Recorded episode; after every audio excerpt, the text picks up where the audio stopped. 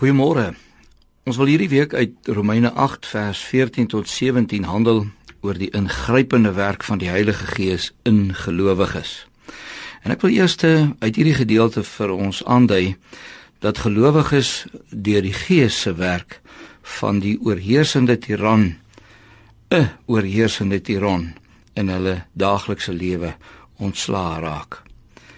In vers 13 lees ons van tirannie. As julle julle lewe deur die sondige natuur laat beheers, gaan julle die dood tegemoet. U hoor die woordjie beheers nie waar nie. Dit is die uitstaande eienskap van nie kinders van God. Hulle word beheers. Hulle staan onder die tirannie van die sonde. Hulle slawe daarvan. Hulle pluk ook voortdurend die gevolge daarvan. En al word hulle lewens daardeur verwoes, kan hulle nie onder hierdie heerskappy uitkom nie. Maar hoor wat is die uitstaande eienskap van God se kinders? Ek lees vir u vers 14. Almal wat hulle deur die Gees van God laat lei, is kinders van God. Die uitstaande eienskap van God se kinders is dus dat hulle juis nie deur 'n tiran beheer word nie. Hulle word gelei deur 'n iemand. Ons spel hierdie iemand met 'n hoofletter. Dit is die Gees van God. Die derde persoon van die goddelike drie-eenheid, die Heilige Gees die een wat Jesus Christus na sy opstanding in hemelvaart gestuur het om mense wat hy verlos het in hierdie lewe te lei. Hierdie gees bevry die gelowiges van die oorheersing van die sonde. Natuurlik beteken dit nie dat gelowiges nie meer sondig nie. Nee, ons weet dit is nie wat die skrif leer nie. Wat leer die skrif dan?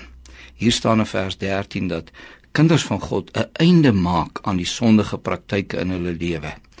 Hoewel gelowiges dus steeds in hulle lewe sondig, is hulle nie slawe van die sonde nie. Jy sien, dan opsigte van die tirannie van die sonde doen die Gees 'n klomp dinge.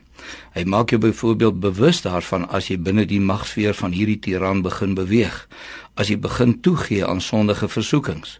Hy maak dus jou gewete sensitief. Hy herinner jou aan wie jy is, tweedens, né? Dat jy 'n kind van God is en dat jy nie deur 'n sondige lewe God se liefde in sy gesig kan teruggooi nie.